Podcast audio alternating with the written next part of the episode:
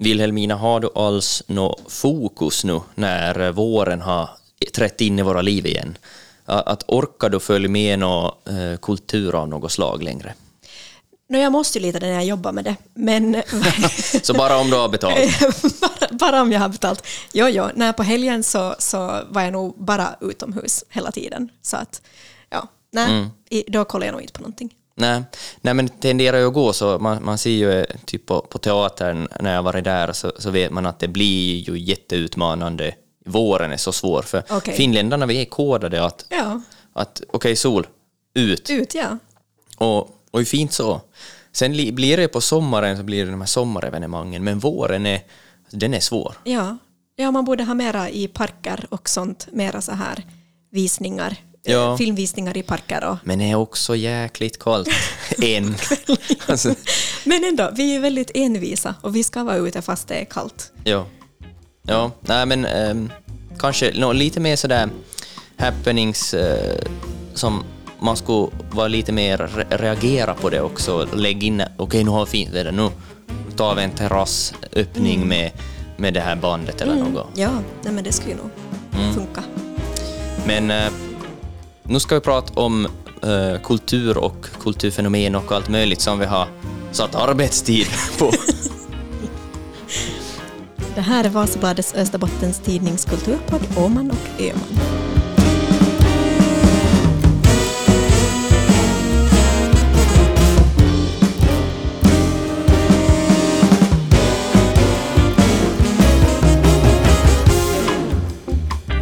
Jag sa, Axel, i förra avsnittet att jag har hittat tillbaka till fantasyn.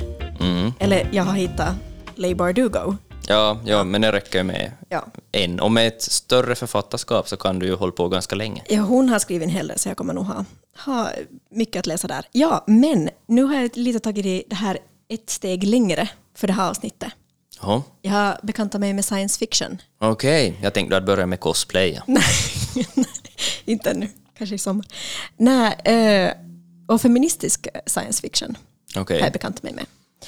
Men eh, ja, den här genren, det är inte något som jag inte har läst förut. Jag har kanske läst äldre verk som Karin Boyes, Kane och, och George Orwells 1984. Eh, men, men, mm, men, så det är liksom, som faller under klassiker? Riktigt, exakt, ja. ja. Men, mm. men liksom helt den här genren, det, det, är nog ganska nytt för mig. Hur är det med dig? Har du läst mycket? Um, kanske i tonåren mest, skulle jag säga. Uh, sen har jag nog läst några i vuxen ålder också.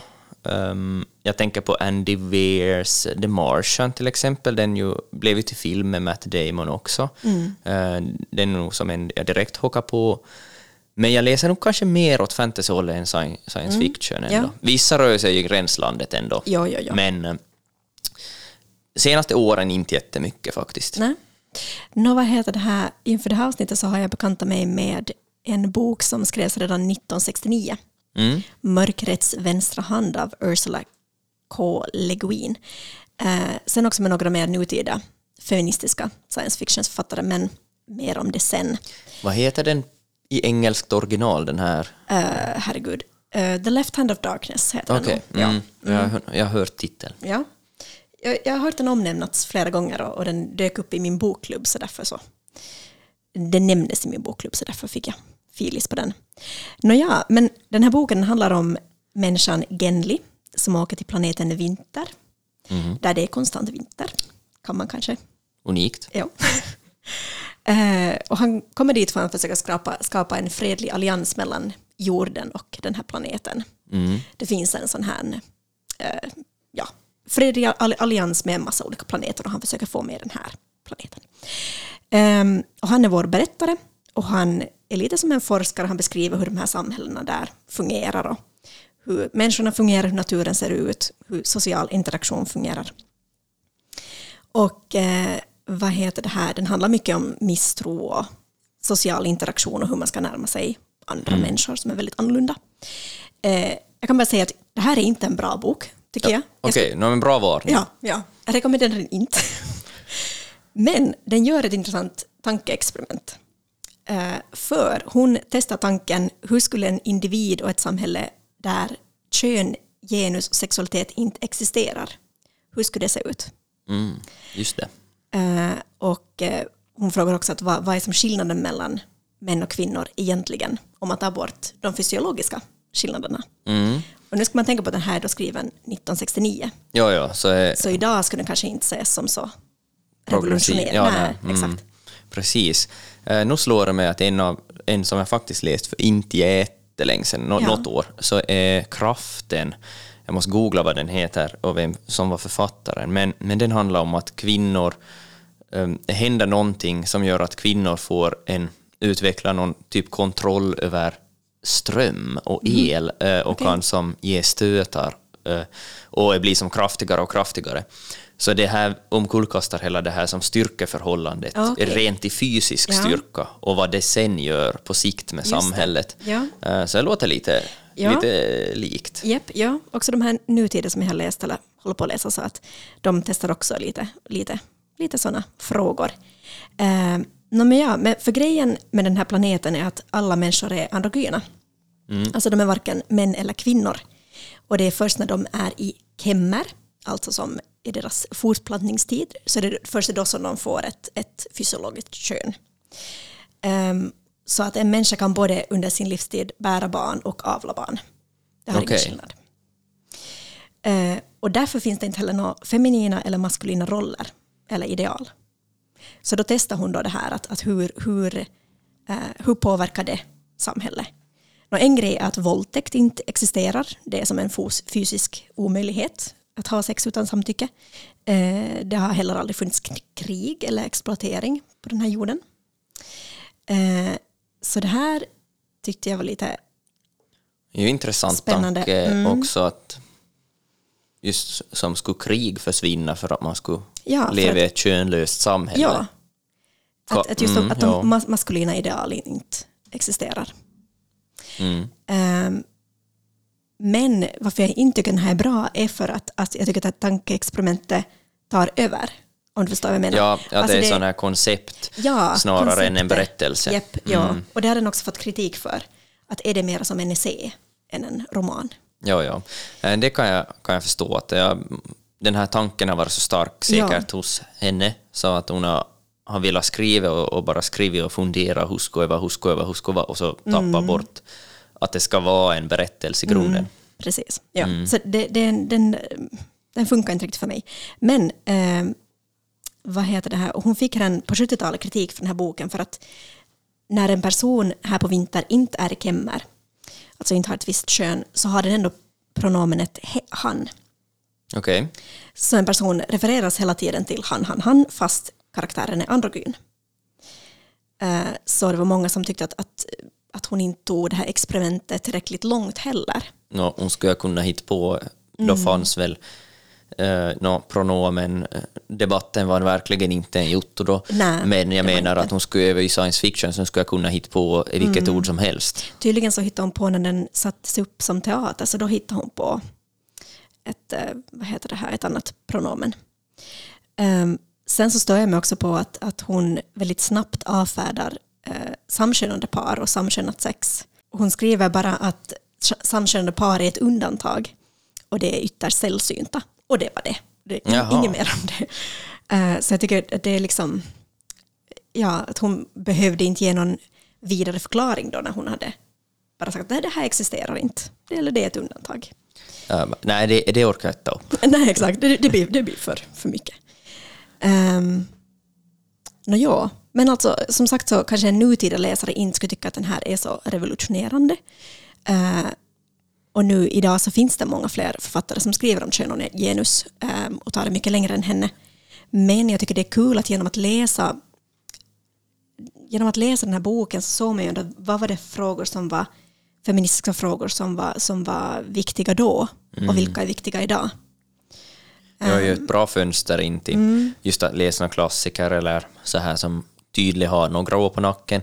Så det är nog ett fönster in i hur tankevärlden gick då. Mm. Japp.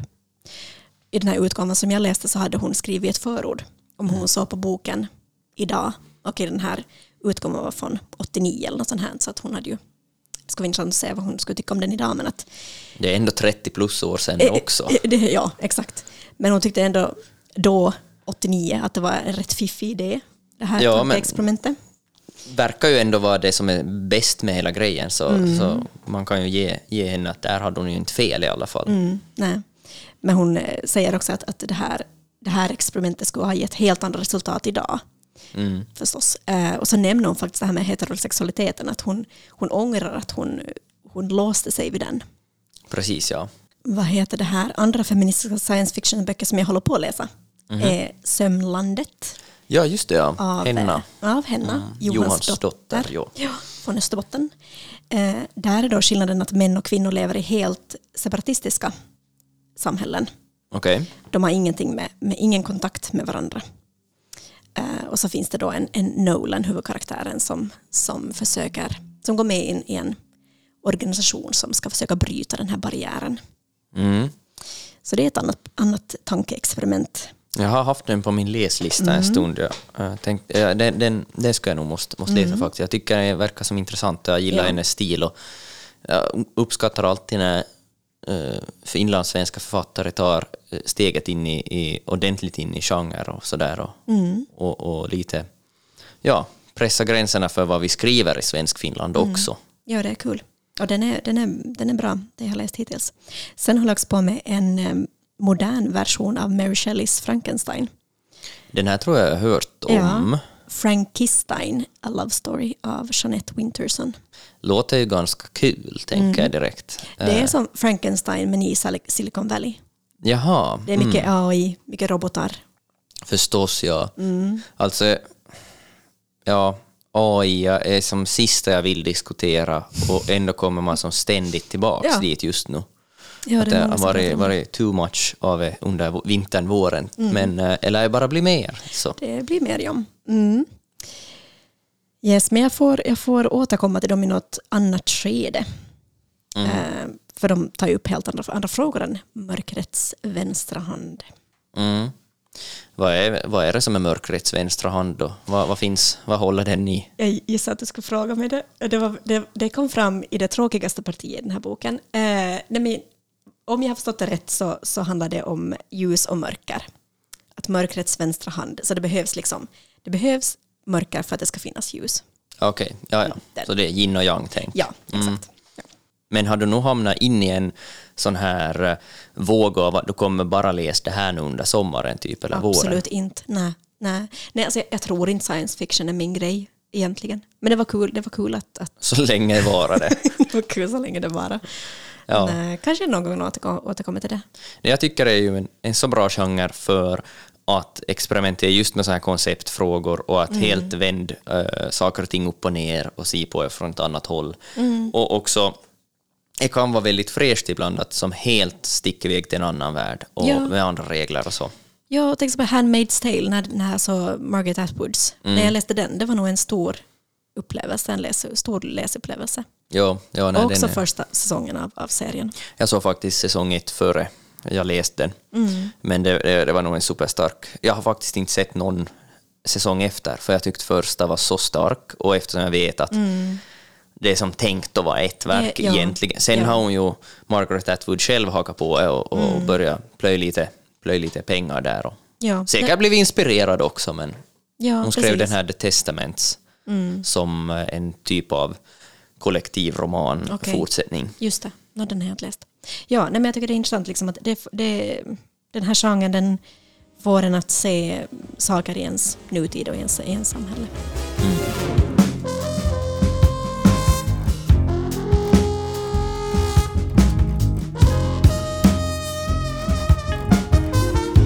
Jag brukar säga att man ångrar aldrig en spelning. Att jag tycker alltid är kul att vara, även om det var tungt att ta sig ut, om man var trött och seg, så är det nästan alltid värt det. Håller du med? Jag håller nog med. Ja, det är som ett bad. Man ångrar aldrig ett bad. Nej, nej exakt. exakt. Eh, jag var på påsken eh, och såg... Uh, det var just en sån här situation. Det skulle vara så lätt att lämna hemma i soffan. Jag hade till och med kollat Robinson och det var urrådafton och allting. Det var, som, det var upplagt för att se här och gå och ligga. Men, men så var jag på var jag spelning, uh, påsksöndag. Och så Okej. det är en svår dag, det är som en svår Ja. högtid, för man vet inte, kommer det vara helt packat med folk som typ juldagen, eller kommer det vara helt tomt? Ja, precis. Hur var det nu då? det var, det var sådär halvfullt, vilket jag anser som var väldigt bra för det här. Alltså, det var en engagerad publik, det var, det var helt, helt bra med folk. Um, och, och, det som spelade var, var Lords of Chernobyl och uh, Eld, som är lokala rockband, punkrockband. Eld kallar sig Space Punk, mm -hmm. gillar den benämningen. Man mm. fattar nog när man hör dem, är lite sådär mystiska sounds och så, mm. väldigt punkigt. Okay. Men det här var jätte, jättebra spelning tyckte jag. Det var bra driv, bra band. De lirade som tusan. Och um, jag var väldigt glad. Jag hade varit efteråt helt enkelt. Men, men sen, jag pratade med en i mellan de här banden så pratade jag med en kille från Vörå. Mm. Um, han heter Erik Svels, han är gitarrist och bartender på Zink, där kanske någon har sett honom. No, han är tio år yngre än vad jag är. Och mm. han hävdade att min generation uh, är det sista där det var vanligt att man bildar band. Okay. Och att vi, vi var de här som ännu lärde sig instrument, mm. plöjde ner timmar i det verkligen och, och, och satt och nöjt och sedan hittade Ade som hade nöjt sina instrument och, mm. och, och började spela ihop. Mm. och den här han, killen sa att, att han har gått musiklinjen på Övis, men till och med där var det svårt att få ihop ett mhm. band. Okay. Och det här är inte riktigt första gången jag hör om det här problemet, mm. men jag lämnar och tänker på det väldigt mycket, för jag känner också några musiker som har varit typ musikvikarer, musiklärare, och säger att det blir svårare, alltså att kids idag vill inte riktigt eh, spela instrument mm -hmm. och kanske inte som lägger in tiden som krävs för det. Okay. Och, och det här är ju, ska man inte peka finger på dagens ungdom bara, utan är ju, är ju ett symptom på någonting mycket större. Ja. Och det är ju kanske att band håller på att dö. Okej. Okay. Mm. Ska vi lämna lite dramatiskt där. Men, men jag, jag börjar fundera på det här att eh, jag, jag vet inte alls om du har spelat någon musik. Eh, ja, eh, i lågstadiet så spelade jag lite gitarr. hade nog liksom en gitarrlärare. Eh, och sen har jag i vuxen ålder försökt lära mig piano. Men mm. det har gått sig i perioder, att man, man, är, man är taggad, man lär sig några låtar och så glömmer man bort dem och så mm. går det en lång stund. Ja. Jag förstår. Mm. mm. Jag hade en sån där bild av att du, du har säkert en som spelar piano i, mm, i, ja. i mm. låg, låg högstadie och sen slutar. Nej, faktiskt inte. Mm, okay. Men du har varit in på klaviaturen lite? Ja, lite. Mm. All right. ja, själv har jag ju spelat instrument sedan jag var 20 år och har ju flera band. Och, mm. och som alltid varit en del av, av eh, hur jag har Mm. Både upplevt musik och musikskapande och eh, vad jag har lyssnat på. Precis. Och, och där är ju kanske som den här stora grejen att vad lyssnar vi på? Mm. Att det är det som styr också vad vi spelar och mm. hela kulturen i sig. Ja. Och där är det ju en enorm individualism i popvärlden och, och i musikvärlden i stort. Mm. Att egentligen där man hittar mycket bands så är ju i genremusik som metal, rock, punk, um, ja, andra genrer sådär. Mm. Men när man ser på det här stora mainstreamen så är det väldigt individualistiskt. Det är mm. en, enskilda artister eller typ rap-duos eller ja. någonting som har en, ändå ett tydligt steg bort från banddynamiken. Ja, hur, hur, har du sett någonting att hur länge har det varit, hur länge har det pågått? Um, lite svårt att peka på på ett sätt för att det har alltid funnits um, soloartister har ju alltid varit stora ja. också, inte kan man som säga något annat. Men ett skifte är ju nog någon gång kring tidigt 2000-tal, mm. här efter boybandens sönderfall. Mm. När boybanden började splittras och för boyband är ju starkt som en enhet, men, men det är ändå uppbyggt av flera delar, att, att där fanns som det fanns någon för alla var ju det här mm. stora gruppernas mm. eh, säljpunkt. Mm. Men sen när också musiken gick mer från, vi levde väldigt länge, alltså ända sen Beatles och sådär, egentligen så levde man ju med att popmusiken centrerar sig kring gitarren så yeah. som, och upplyfte gitarrmusiken och skrivandet och, och spelandet, virtuoserna var mm. som eh, grejen ännu in på 80-talet. Sen kom grungen som också var en bandstyrd musikgenre. Eh, tryckt bort mycket av det här finliret då. Men, men någonting där vid 2000 och vidare mm. så började det trappas ner. Där R&B och hiphop tog som det här för, de, de tog fören mm. i popmusik, att vad lyssnar vi på? Om du som smäller på Viral 50 eller Top 50 på Spotify i världen och nästan per land också, så är ju, du hör som inte riktigt några rocklåtar längre. Nej. Utan du, de flesta är, har rötterna helt tydligt i, i rappen på något vis. Så ehm, det var Adam Levine eh, som är sångare i eh, Maroon 5 som sa för något år sedan att “There's no bands anymore and I feel like they're a dying breed” och det här skapar så mycket outrage då och folk blev arga och så. Men sen när, när folk faktiskt började se på just det här som jag pratar om så insåg de ju att han har ju rätt någonstans. För det här, det är enskilda artister har mycket lättare att komma fram idag. Ja. För att hela vårt samhälle är byggt kring att eh, man ska kunna sälja som sitt eget brand. En person är alltid lättare att sälja än fyra eller fem. Ja. Att ingen riktigt orkar bry sig om fem gubbar som spelar gitarr längre. Nej. Behöver inte ens vara gubbar, det kan vara 20 någonting killar eller tjejer. Alltså att blir det för mycket att hålla reda på så blir folk som säger nej. Ja, det, Ja. det är lättare med, med, med en person. Mm. Att, ja, mm, jag kan nog säga det. Och alltså förstås, som, som vanligt så kan vi skylla det här på TikTok, men gå längre tillbaka och sociala medier i stort.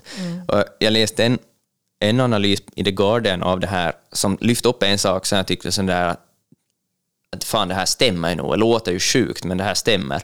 Så var att det är lättare när man scrollar på sin telefon och ser videor, säg no, TikTok eller eh, YouTube shorts eller något, så är det lättare att man stannar och bryr sig om att se en video med en person än då fyra eller fem har tryckt in sig i en ruta. Eller man har filmat av en scen som det blir som smått och plottrigt. Att som tänk att en så liten sak styr på något plan vad vi tar till oss och vad vi bryr oss om och så i förlängningen skjuter fram soloartister framom Ja, det är band. superintressant. Ja, Men de lyckades ju ändå på 90-talet med, med boybandsen. jo, absolut. Eh, De var ju jättestora och, och de hade ju sin storhetstid i ja, många år ska man säga?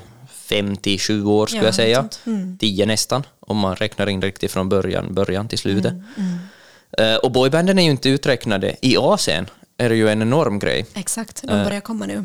Också, också hitåt, alltså K- K-pop. Jo, jo, alltså K-popen, BTS till exempel, eh, stora koreanska gruppen, är ju, är ju jättestora i hela världen. Och vissa av dem börjar nog ta sig ut också, andra alltså. Eh, så det är ju intressant. Och, och jag ser, kommer se, följa med intresse om, om det blir så att vi börjar närma oss Asien, eller Asien närma sig oss. Precis. Eh, att endera vägen kommer det gå. Ja. När jag pratar med låtskrivare som, som jobbar med, uttryckligen med låtar till Asien, så säger de ofta att, att det är som på ett sätt så är de efter soundmässigt och sådär, så är de någonstans där vi var för 10-15 år sedan ibland.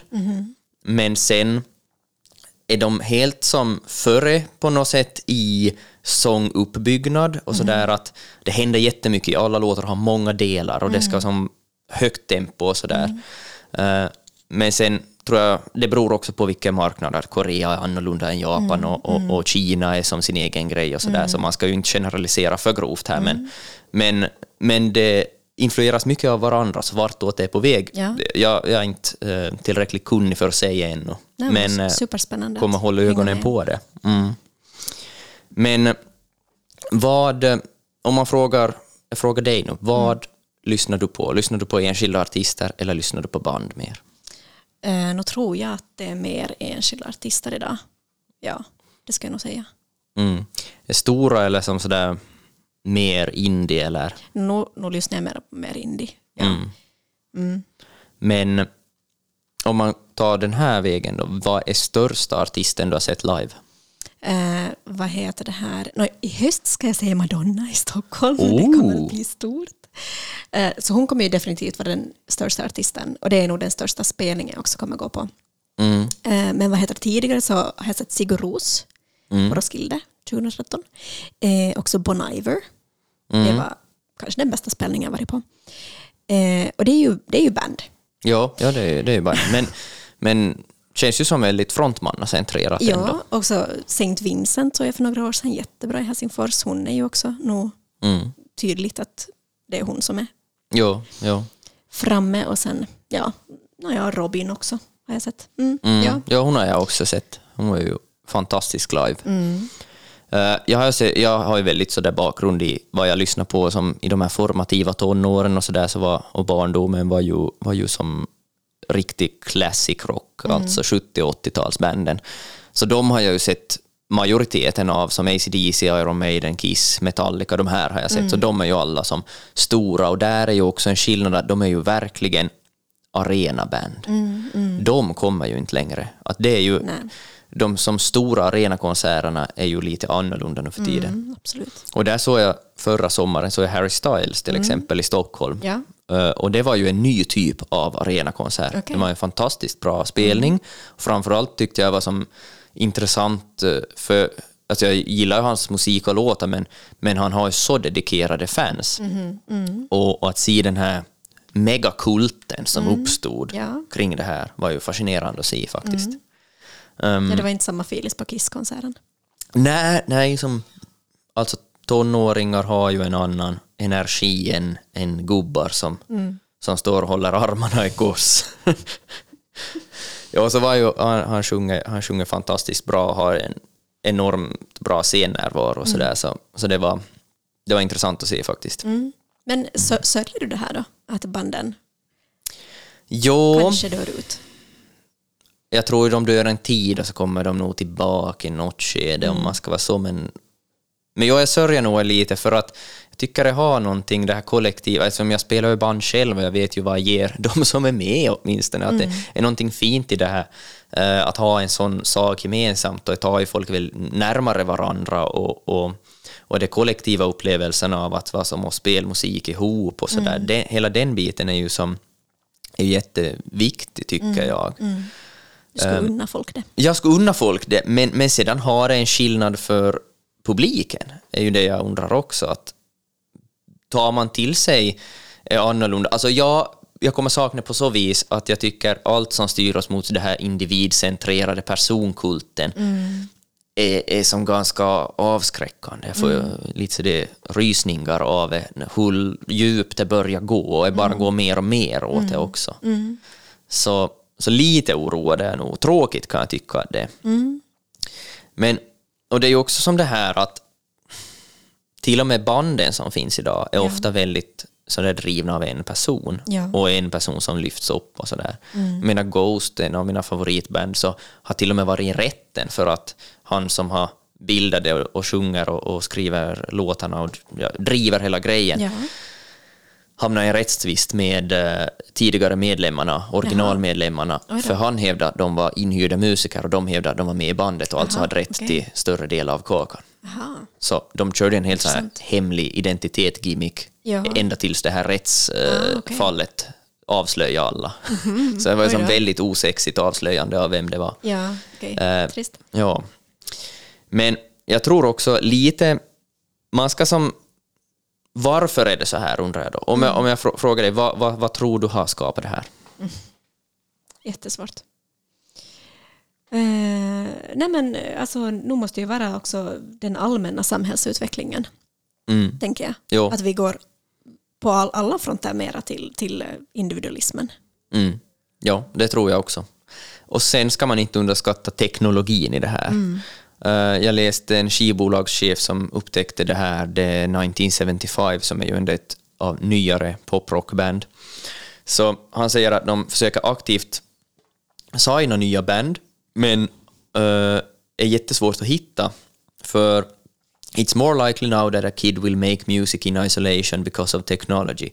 When I first met the 1975, they were all friends meeting in a room to make noise. So much is done in bedrooms these days, so you're more likely to be by yourself. Tänk vad pandemin har gjort med det här till exempel. Ja, jo, absolut. att jag tänker också massa- med Av- Avicii, att han var ju kanske en av dem. Nej, nej nu ska jag inte säga. No, In, inte nu en av de första, inte de första, men, en en av de de riktigt, riktigt, stora. Yes, yes, att han som började i FL-studio. jättemånga. Ja, Ja, verkligen. Att det här har blivit så tillgängligt. Att förr var, var är ju... Skulle du göra musik och få att låta bättre än, än som en trubadurkväll på Bernis i Replot så skulle du ju ha ett band och lägga pusselbit på pusselbit tills du hade ett maffigt sound. Men nu kan du bara lägga pusselbit pusselbit i Garageband om du köper en Mac eller laddar ner ett gratisprogram, FL Studio, som Av- Avicii byggde hela sin karriär med. Precis, ja, det kom fram i den här dokumentären om honom så, så sa han där i början att han, han aldrig lärt sig något instrument. Nej, exakt. Du kan vara som bäst i världen på att skriva hit-hookar och ändå inte som knappt kunna ett instrument. Eh, Så det är ju det är någonting helt, helt Som nytt. påverkar. Mm. Men eh, ja, inte ska man ju bara klaga över dagens ungdom heller. Att jag tycker ju ändå det här ger ju som sagt Avicii till exempel och, och, och alla som har kommit efter och, och före för den delen också. Att det, det skapar ju någonting nytt, det tar musiken i nya riktningar. Och, och, och jag tycker vi behöver inte få tillbaka till det här gitarriffdrivna ska vara som grunden till all, all stor musik, verkligen inte. Utan jag, jag, jag omfamnar det här att det rör på sig. Ja. Men jag tror kulturellt så mår vi väldigt bra av att banden skulle få ta en plats i våra liv, eh, både som, som att vara medlem i ett och att fara se dem. Framförallt att stöd lokala band, för det finns inte så många ställen att se på uh, livemusik. eh, och och framförallt att spela för nya band är jättesvårt att hitta ny, som ställen att spela. Ja. Så därför tycker jag att ni allihop ska gå i ett lämmeltåg till Fista Band Marathon som ordnas 19 till 20 maj på Ritz i Vasa. Det är Vasa stad som ordnar det tror jag faktiskt. Och en massa lokala rockband och andra band. Jag, vet, jag tror alla band är välkomna. Man kanske kan anmäla sig ännu. Så har du ett band så googla fram det här, försök kom dig in dit. Eh, och viktigt är att man ska stödja lite lokala band, för då ångrar aldrig en spelning.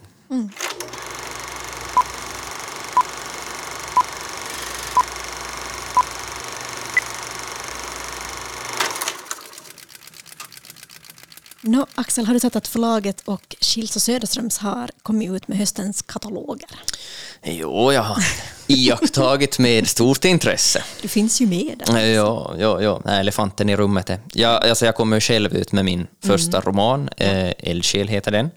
Så det är ju extra spännande i höst förstås för mig. Kommer vara i hela den rumban med utgivning och recensioner och eh, ja, far runt en massa med den här boken, tror Ja. jag. Eh, så det är ju spännande. Och min, boken heter Eldsjäl och handlar om en UF-förening på landsbygden där de ska ordna revy och eh, är lite bråttom att få ihop det. Och jag har skrivit den här berättelsen under en repetitionsperiod som fram till premiären då allting kulminerar för mina stackars karaktärer. Kul. Mm. Jag ser fram emot den. Ja, kul, kul. Ha, har du någonting annat du ser fram emot där på listorna? Ehm, På de finlandssvenska listorna så ser jag mest fram emot eh, Ellen Strömbergs nya. Eh, eh, Li utan. Ja, den verkar jätteintressant. Kommer vara, spår jag, en av höstens stora snackisar. Eh, För temat är något som så många, eh, åtminstone 30 plus minus lite, funderar på. Eh, Eller någonting som alla människor äldre än så har funderat på, och yngre för den delen också. Så den, den, är, den är jätteintressant tycker jag.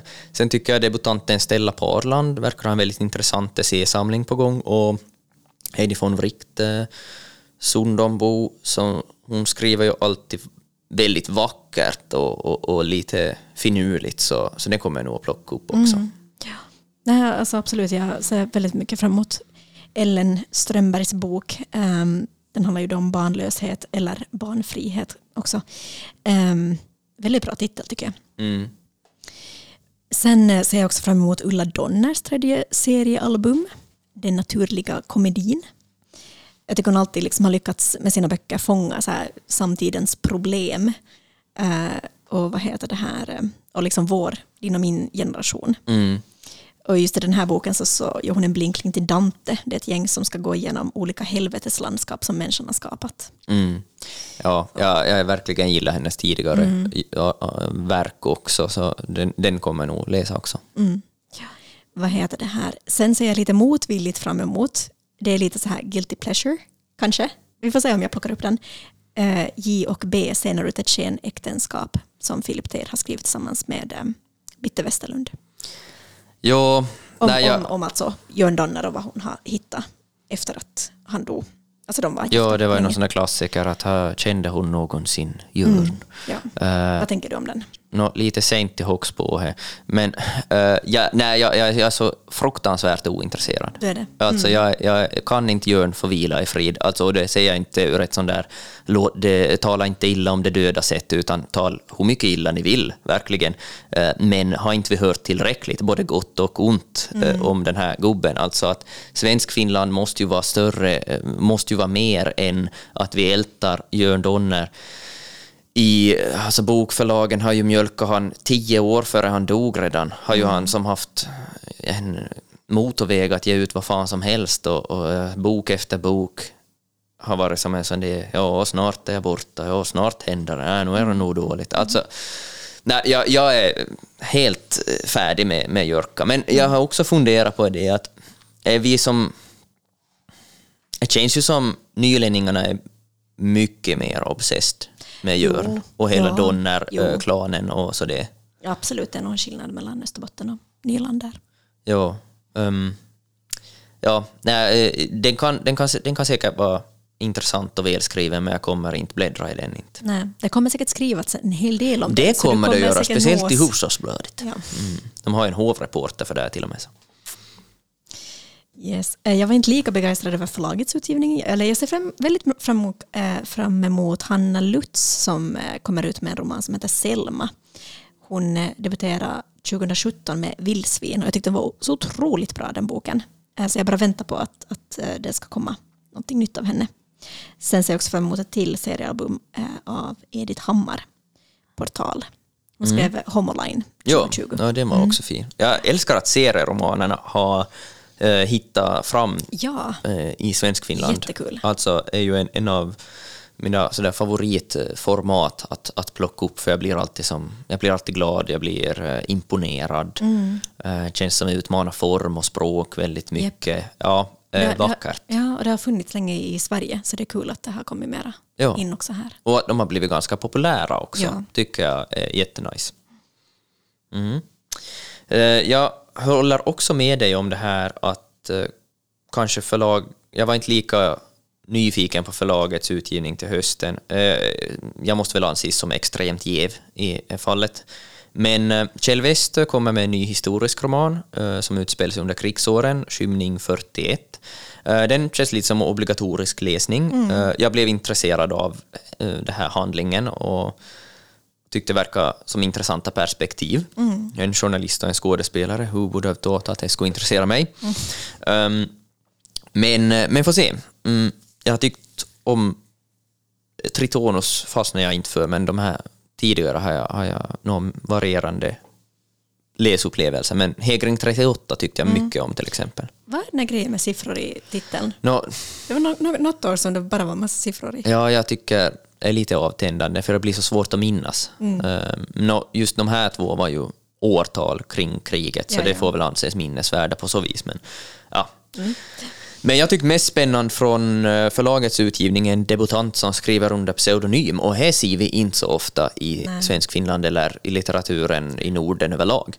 Eh, Alexander Kavalev eh, är pseudonymen och han ger ut boken De omättliga som beskrivs som en insiders inblick bland rika Helsingforsbrats och deras dekadenta livsstil och äventyr. En inblick i skuggsidorna av det förmögna Svenskfinland. Mm. Känns väldigt eh, exit. Jätteexigt, Ja. eh, den norska serien som finns på arenan bland annat. Eh, och jag tycker fantasin vaknar till liv när det är en pseudonym. Ja, att jag jo. fantiserar ju verkligen vem det är som har Okej. skrivit. Inte så det är på att eh, jag skulle som vet vem det är, men vilken typ av människa är det här? Vad har du funderat om? Min, jag hoppas lite att det är någon som har gått tanken eh, och har ett fint efternamn och jävla mycket gamla pengar och nya pengar. eh, För att de som har noll intresse av att jobba inom kulturbranschen, men stort kulturintresse och förmåga.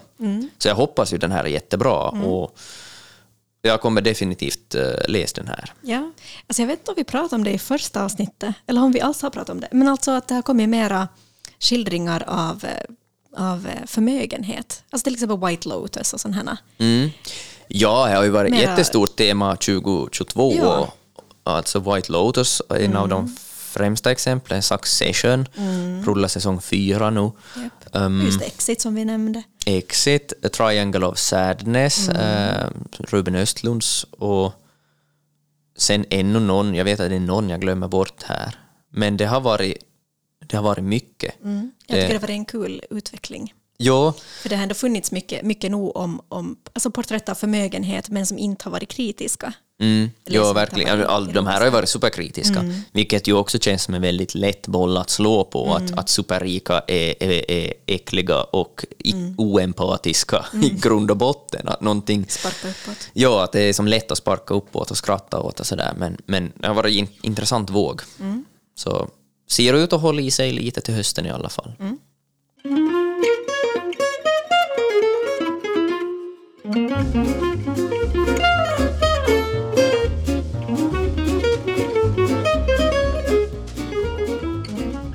Åman och Öman är producerade av Vasabladet och Österbottens Tidning. Producent för det här avsnittet var Patrik Sjöholm.